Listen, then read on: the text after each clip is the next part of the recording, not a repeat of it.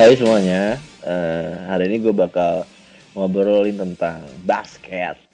Gue hari ini ditemenin sama Bugi. Kayaknya bakalan nama lu terus, Bu. Hey, Bu. Hai, kabar nih? Ya, gitu lah ya. kacau, kacau, gak tau. Gue gak tau lagi. Gitu. Jadi, uh, buat yang belum tahu ya, teman gue Bugi ini such a very great player in Indonesia. One of sih. One. Not really player. great player lah. Uh, almost great, but eh, not yet proven karena lu nggak main ini ya, nggak main profesional ya. Iya, gue nggak main pro. Jadi bukan gua tujuan gue ke sana sih emang. Ya, ya itu sih sebenarnya. Tapi bisa aja kan sebenarnya kan lu juga kata lu udah ditawarin kan jadi pemain pro kan. iya. Berapa sih tapi gue emang nggak ke sana sih. Iya. Nah ini kalau ngomongin basket ya karir basket kan gue nggak ngerti karena semua orang itu kalau sampai pada di level lumayan uh, lumayan keren kayak lu yang udah jadi timnas streetball bahkan uh, lu tuh basket dan doyan itu sejak kapan? Gue gue main basket itu karena sebenarnya karena bokap bokap dulu atlet basket sama softball tapi bokap gue lebih ke softball. Dulu gue ah. waktu kecil itu bokap gue sering main basket sama temen-temennya. Itu gue bener-bener diajak ke lapangan basket itu umur 2 tahun. Umur tiga wow. tahun tuh gue udah bisa dribble. Anjing. Jadi gue main basket itu bener-bener dari umur 3 tahun. Itu gitu. dribble bola bola laki? Bola laki pak. Dulu kan cuma ada bola laki sama bola cewek tuh. Iya TK itu gue udah bisa muterin bola pak. Pakai jari. Anjing. Anjing. Ya nggak kaget ya lu se eksplosif sekarang ya karena ya lu fundamental lu anjing sih. Masa iya dari TK bangsat? Iya pak. SD ya, kelas satu tuh gue udah main basket udah udah ikutan yang latihan ikut sama yang tim-timnya lah kalau tuh zaman zaman SD itu kelas 3 SD gue udah pernah ikut kejuaraan. Udah juara. Jadi gue bener, -bener dari SD sih udah ngerasain juara sih gue. SD. Lu klub klub pertama lu apa SD namanya? Gue masuk pertama di klub itu di IM Indonesia Muda itu gue kelas 5 SD. Anjing, IM. Iya, Indonesia hmm. Muda. Di saat itu paling bagus. Dan gue waktu kelas 5 SD itu zaman gue awal masuk IM itu belum ada kelompok umur 12 tahun. -hmm kalau sekarang kan udah ada kelompok umur 8, 10, apa KU 8, KU 10 tuh yang dicampur uh. gitu cewek cowok, terus ada KU 12. Nah itu gue tuh kelas 5 SD itu belum ada KU 12, gue main di KU 14. Jadi lawan gue SMP SMP pak. itu badan gue paling kecil sendiri. Itu dulu gue bener-bener kecil, pendek, dan gue masih main di jadi playmaker point guard. Nah karena teman-teman udah pada kecil banget. 14, iya. Ya di umur yeah. gue yang SD pun itu gue termasuk pendek karena gue tuh bener-bener oh. baru tinggi itu gue kelas 1 SMA cita-cita dulu gue gak mau tinggi justru oh. karena gue emang pengen cita-cita gue pengen main jadi playmaker kenapa gue pengen main playmaker karena semua berawal bola itu ada di playmaker pak okay. yang ngatur semua permain tuh pasti playmaker nah itu gue salah satu cita-cita gue jadi playmaker tapi SMP gue masih ngerasain jadi playmaker main 1, 2, 3. SMA gue main di 45. sama, sama. Gue 45. Gue gak pernah 3 bahkan. Karena tingginya ini kan, gue sempet rada bete kan karena gue emang gak ada fundamental di posisi 5. Kalau posisi 4 masih oke okay lah karena gue masih bisa keluar. Kalau posisi 5 udah stay di dalam. Ah, ya udah ah, dah, gue bener-bener belajar dari nol lagi. Gue belajar main post, belajar ini. Jadi gue ibarat kata SMA bisa main semua posisi gitu. Iya, iya. Dan ini mungkin gue yang salah kali ya karena ini kan gue baru serius banget itu uh, eh, SMA jadi gue gak dapet basicnya satu dua tiga. Nah iya karena lu SMA udah tinggi terus langsung sampai di empat lima ya. Ah, ah langsung empat lima. Iya benar benar ini gue gak ngerti. Itu training serius itu ya itu kayak ngerasanya uh, eh, gue tuh sempet berhenti di kelas 1 SMA karena kan hmm. kaget ya guanya maksudnya hmm. dulu itu SMP main kan cuman ya udahlah ya sekedar main bola gitu di mana ya. uh, uh, uh, uh, bola di mana dikejar terus waktu SMA itu mulutnya nggak tahu gue masih lemah kali ya mentalnya waktu waktu SMA karena kebanyakan sekolah di swasta hai kalian para orang lemah itu itu kayak dibilang gini eh karena kamu uh, basicnya nggak ada kamu latihan lagi yang banyak kamu kurang. Itu gitu doang men. Nggak ada omongan kasar ya. Hmm. padahal lu tahu kan gue orangnya padahal gak yeah, gak, gak gitu nggak so soft gitu loh. Dan gue tuh sempet merenung merenung. Hmm. dan akhirnya pas hmm. dua pun balik bukan karena pengen basket kalau gue ya. Hmm. gara-gara sinusitis dokter nyuruh olahraga. Kan tai oh iya gue juga ada sinus cuy tapi kan lo basket bukan karena sinus gue iya, basket iya, karena sinus nah tapi ya kan ya gue tahu kan SMA itu yang namanya hmm. latihan itu gila lah maksudnya diforsir hmm. benar-benar hmm. abis lah hmm. dari mental dari fisik nah gue nggak tahu apa lu kayak para atlet yang lain ketika lu di rumah misalnya dari SD disuruh skipping disuruh push up kayak cerita hmm. si Prastawa kan gitu ya dia nggak bakal hmm. boleh main kalau sama bokapnya nggak. Selesai push up 50 sehari misalkan. Apa lo kayak gitu? Hmm.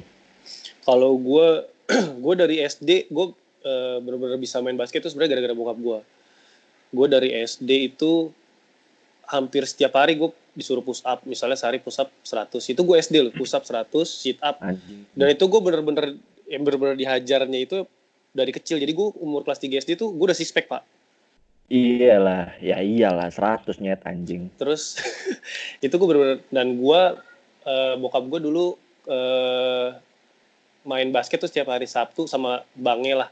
Nah di situ hmm. tuh ada beberapa pemain uh, yang benar-benar pemain bagus dulunya kayak Oki, uh, coach Oki, hmm. tam, tam, Tamtela itu. Nah itu dulu itu main sama bokap gue. Jadi gue waktu kecil itu gue waktu TK gue SD, gue diajarin dribble sama dia.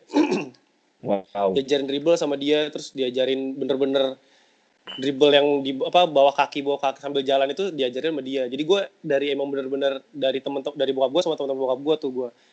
Kalau SD pasti nggak ada capeknya lah ya. Maksudnya mau hmm. latihan fisik kayak gimana, oke oke fine fine. Tapi gue bener-bener ngelakuin yang bener-bener fisik gue bener-bener ini di SMA sih. Karena gue tuh SMA itu gue di SMA 3 kan. Hmm. Itu gue tuh kelas satu. Iya, sama basket. Itu kelas satu orang-orang apa anak-anak kelas satu kalau latihan itu tiga bulan tuh nggak megang bola. Jadi baru tiga bulan itu latihan fisik pak. Anjing. Bener-bener tiga bulan yang ngelatih itu bukan pelatihnya langsung senior. Jadi lu tau lah senior yeah, yeah. kayak apa kan senior, itu gue bener-bener kalau gitu ya.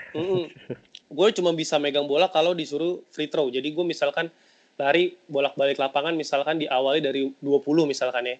20 hmm. tuh dua kali bolak-balik.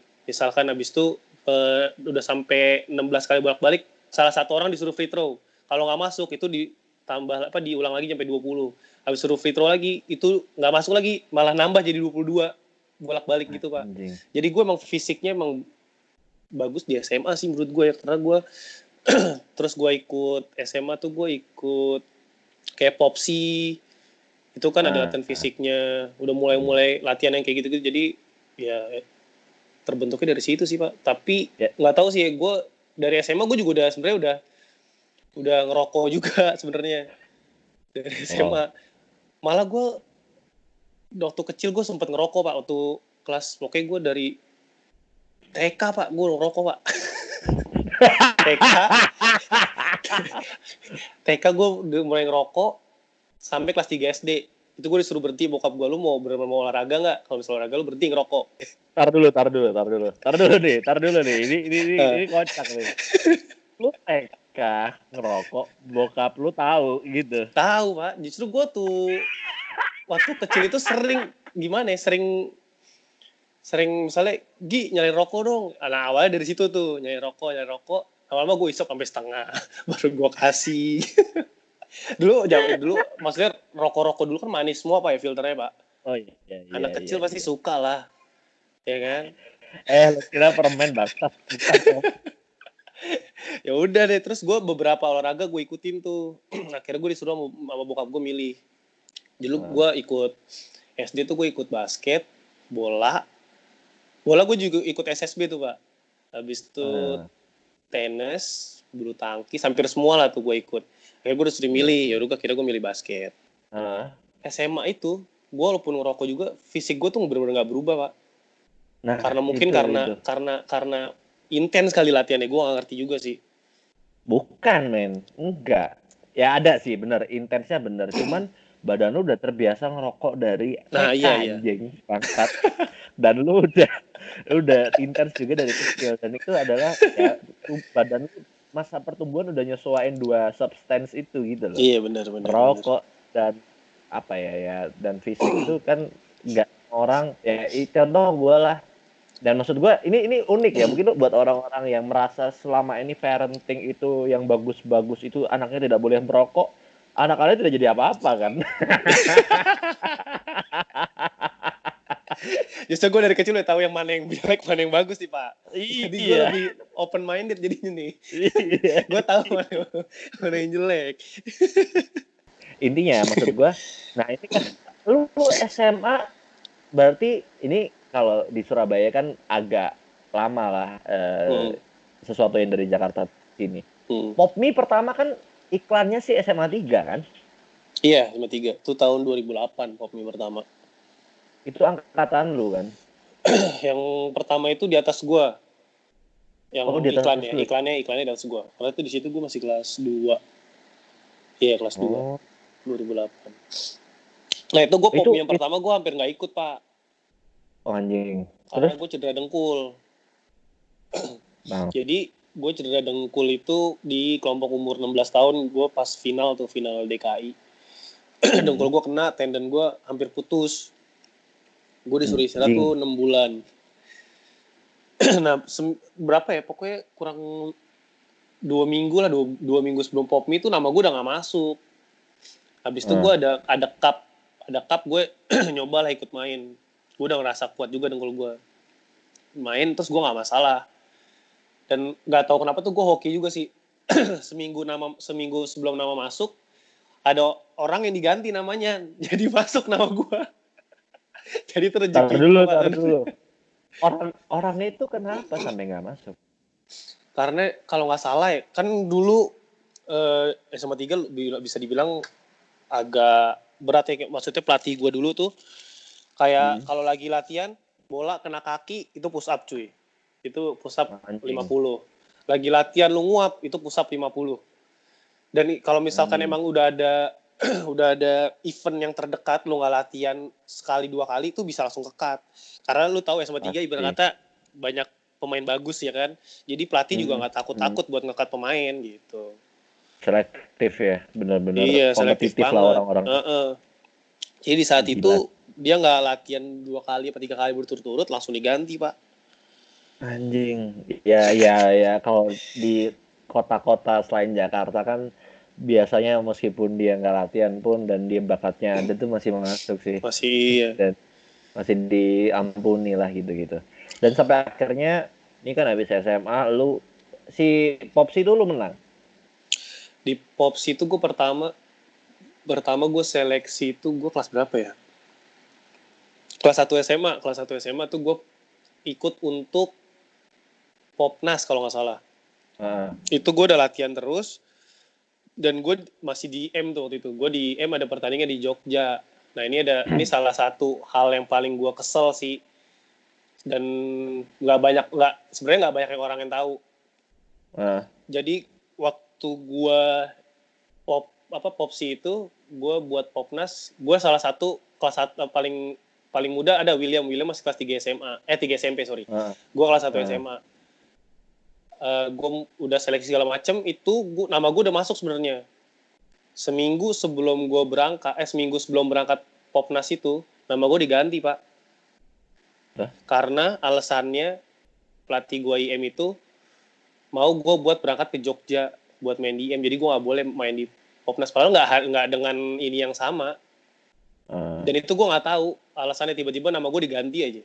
Dan akhirnya setelah berangkat itu pulang pelatih gue itu ngomong sebenarnya kalau misalnya kayak gitu wah tuh gue bener-bener anjing sih gue emosi banget Anjing. Padahal kalau ini nggak nggak nggak tahu ya. Mungkin kalau misalkan lu masuk Popnas hari itu dan lu mungkin nggak bakal kerja hari ini, bro. iya mungkin sih ya Iya karena Iya. kan maksud gua ya lu udah terbiasa dengan kompetisi nasional kalau lu nggak ikut itu kayaknya ada yang kurang deh Hmm. menurut gua ya. kayak pon gitu. Uh-uh. Kalau basket ada batas umur. Hmm. Jadi kalau misalnya gue itu ikut di tahun itu gue bisa bisa ikut lagi di tahun berikutnya. Jadi gue bisa ikut dua kali gitu. Heeh. Dan lu pasti di notice sama klub. Ya, maksud gue mungkin gara-gara itu jadinya lu apa ya nggak se-eager itu buat main profesional kali ya jadinya. Hmm. Nah, sampai adi, eh, sampai pada akhirnya kan lu ya masih lanjut lah di kuliah di Trisakti lu masih jadi tim.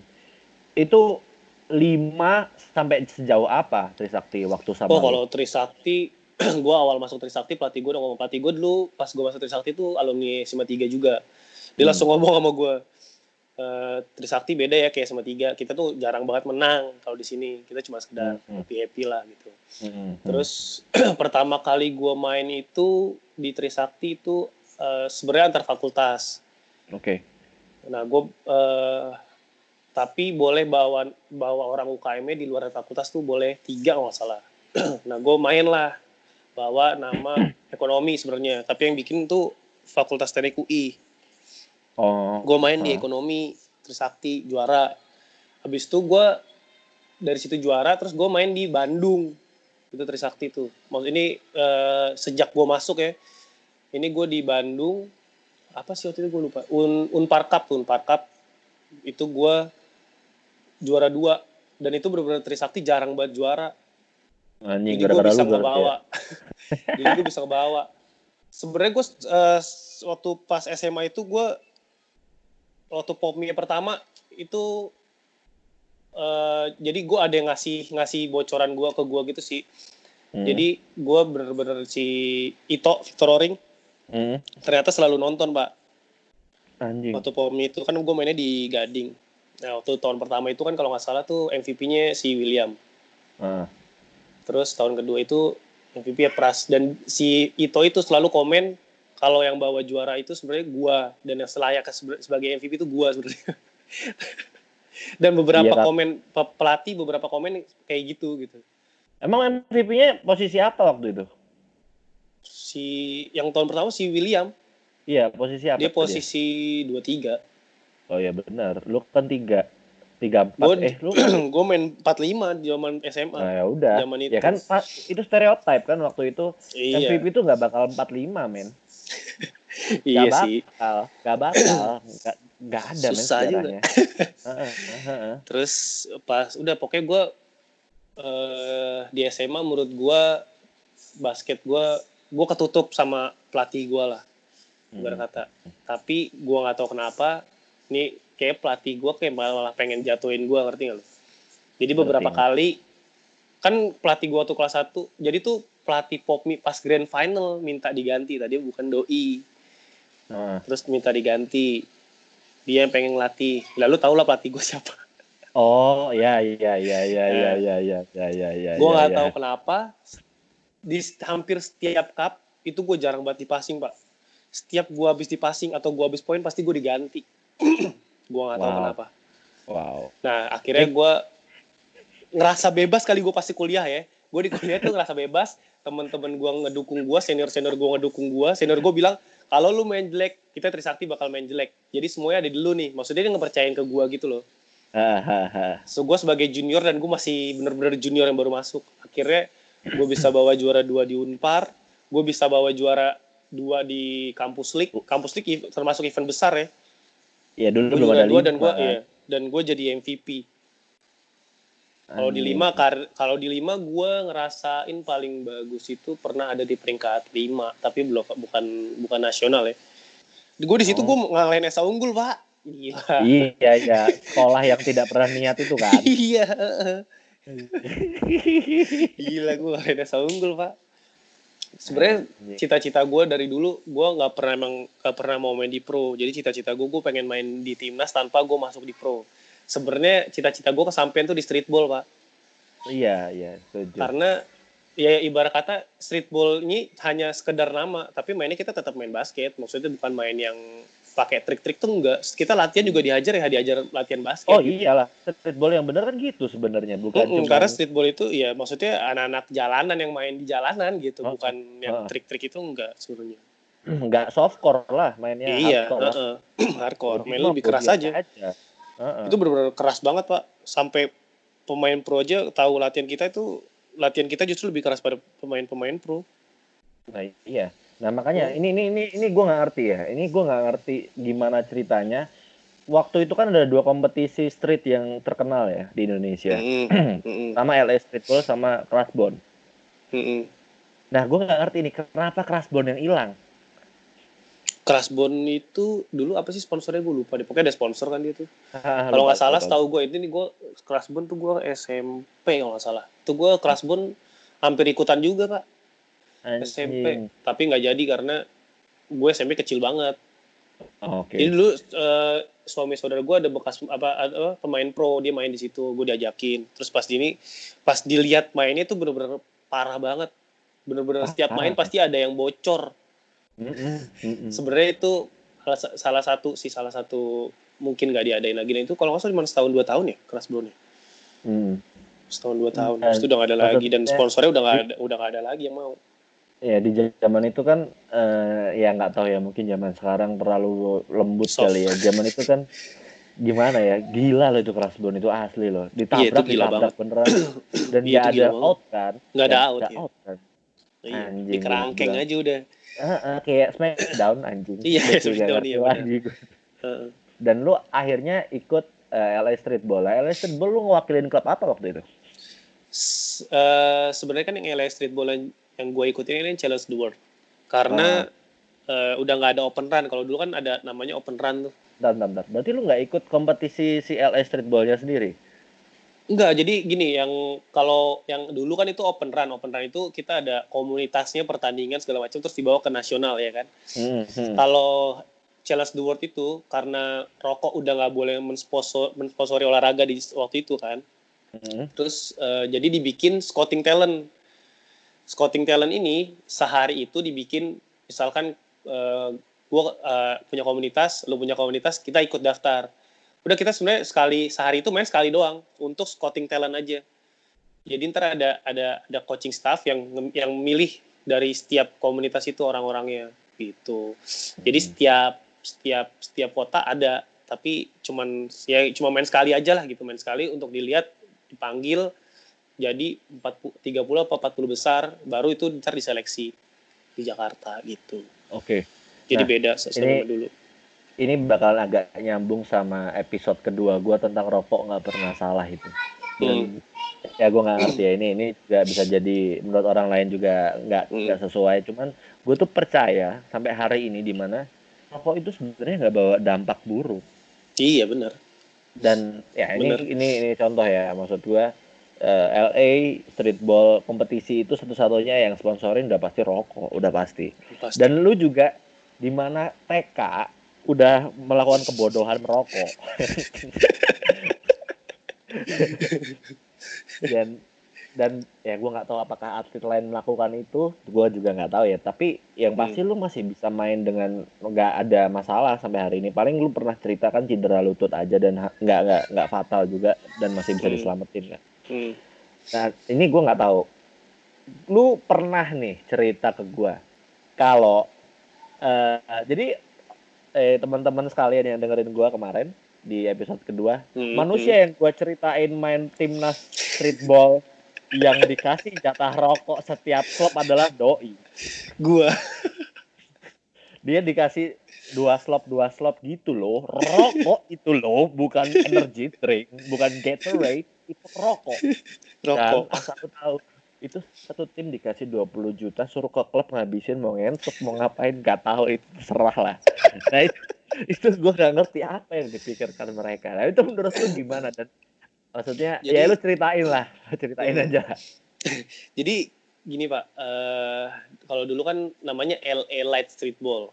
yes Sekarang namanya LA Streetball. Apa bedanya? Cuma menghilangkan lights doang. LA-nya itu apa? Singkatannya apa LA? LA itu rokok, Pak.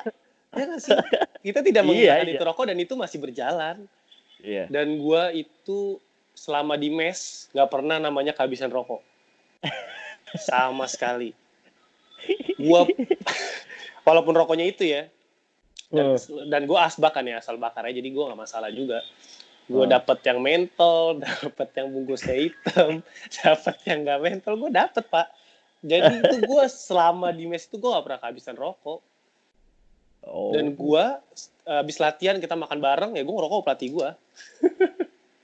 Dan Asal bisa tanggung jawab di lapangan. Jadi iya jadi bener-bener uh, ya emang tergantung orangnya aja sih maksudnya yang menghancurkan itu bukan rokok hmm. orangnya sendiri dan selama hmm. kita bisa tanggung jawab sih menurut gue nggak masalah dan ya itu gue selama di mes gue nggak pernah kehabisan rokok malah gue misal lagi pulang ke rumah ya gue bisa bawa lima bungkus kok ke rumah pulang.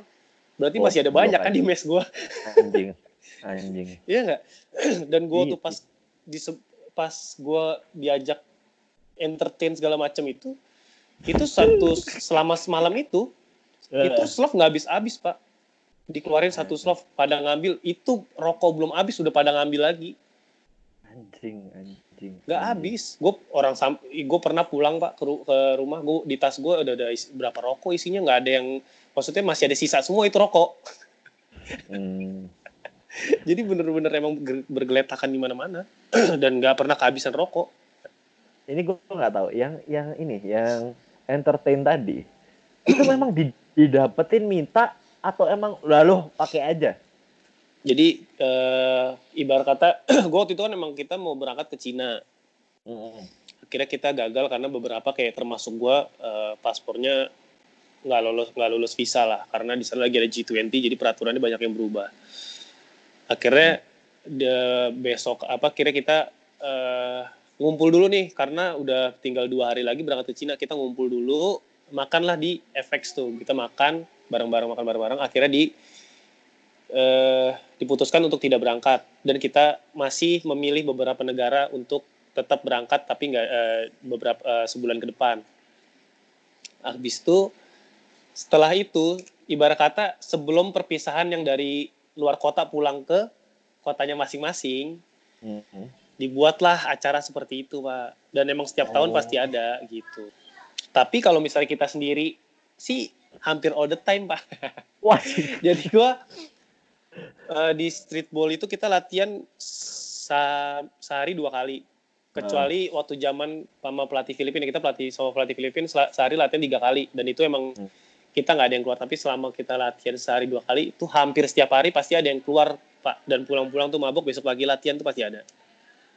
Wadaw, anjing. Dan gue pernah emang bener-bener kita ayo ke sini gitu ayo ke sini bareng-bareng satu satu tim plus pelatih plus pelatih dan besok kita latihan tapi latihannya sore jadi paginya latihan libur dan itu sama pelatih dan kita patungan gitu. itu patungan lo karena patungan. udah dapat gaji ya itu ya? iya anjing anjing jadi buat lo yang belum tahu ya, kehidupan pembasket itu tidak melulunya sehat, tidak. Tidak.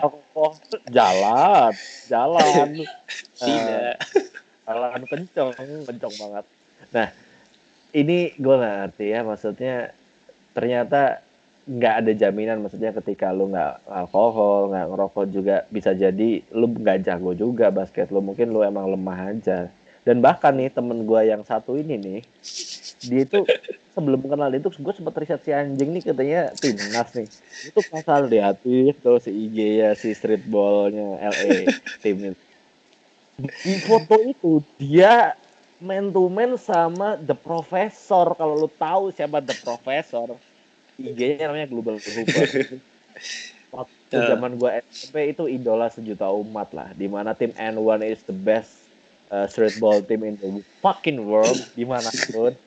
Dan streetball itu didatengin sama si ini si The Professor. Tuh gimana tuh ceritanya bu? Bisa ada The Professor di situ?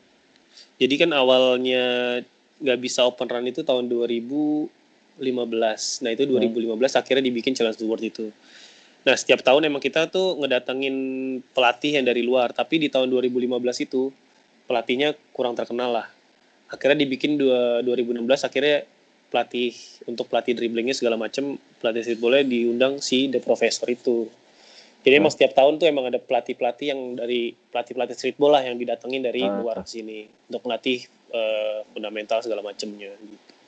Jadi benar-benar yang tahun itu yang diundang the professor terus akhirnya tuh kita nggak langsung ngedatang juga sih itu kita latihan dulu. Jadi kan kita seleksi tuh seleksi dari 40 ke 15 eh ke 20 ke 20 sorry ke 20 habis 20 tuh baru tuh masuk ke mes 20 orang itu. Itu pakai blik tes kita latihan kurang lebih sebulan. Setelah sebulan itu baru datang si the profesor itu. Dan selama latihan profesor itu kita latihan seminggu dua kali biasanya itu latihan sama dia capek juga pak sebenarnya pak. Walaupun dribble dribble gitu tapi capek juga. Ada juga pak mas kayak gua gitu keluar malam huh? mabok nyampe nyampe mes jam 4 jam jam 7 udah latihan. Oh, anjing. Gitu pak. Dan gue ngerti itu si profesor didatengin tuh sehari buat ngelatih apa gimana? Jadi datengin cuman dia datang tuh dua minggu dia datang dua minggu dan dilatih sama dia setiap hari kecuali hari minggu. Hari sabtu kita cuma latihan pagi doang sorenya pulang ke rumah masing-masing. Hari minggu wow. free jadi dua minggu wow. baru dilatih dia doang. The professor man bangsat. Dan yang gak ngerti ya maksud gua N1 juga masih terkenal kan waktu itu kan? Masih. Masih, masih. dan ya gue gak ngerti sampai pada akhirnya lu masuk BUMN ini gue kasih tahu gue tuh selalu beruntung ya nggak tahu kenapa jadi setiap fase hidup gue basket SMA gue sempet juara event juara dua di salah hmm. satu kompetisi lah hmm. even gue juga nggak terlalu main banyak kuliah hmm. gue menang juga juara satu di salah satu salah satu kompetisi juga Nah ini nih lucu nih. waktu, waktu kerja di mana? Udah lah nafas gua mah udah apaan tau lah udah nggak mungkin. Si anjing ini masuk men. Dan gua nggak ngerti ya. Itu ya tanpa mengulangi rasa hormat buat yang lain. Cuman yang lain tuh kayak kayak udahlah udah nggak usah main lah menurut gua ya kayak ya mungkin karena udah napasnya nggak sanggup apa gimana ngejar lu aja udah nggak bisa di mana lu juga ngerokok kan iya kuat pak gue ngerokoknya pak iya lu empat quarter aja masih bisa main tapi ya mungkin karena lu udah cukup umur ya lu empat quarter habis itu kan lumayan udahlah iya, udah kayak lumayan udahlah uh. lu juga sempat emosi juga di quarter empat gitu Kajing capek deh gue. capek lah pak, lari mulu ya lari dan ya poinnya ya itu kocak sih maksud gua kita menang selisih 20 loh itu iya kalau salah ya. Uh. Itu kan dan lawannya bagus-bagus sih. Iya lawannya bagus-bagus pemain-pemain ya, tim semua tuh. Iya pemain tim mandiri waktu eh ups kesebut eh, ush, itulah. ush, ush. gimana?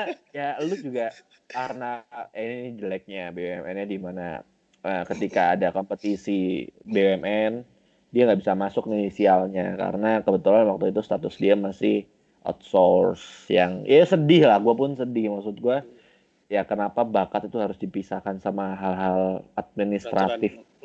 Uh, thank you buat teman-teman yang udah mau dengerin. Jangan lupa dengerin episode gue yang lain. Stay safe stay clear stay healthy and bye bye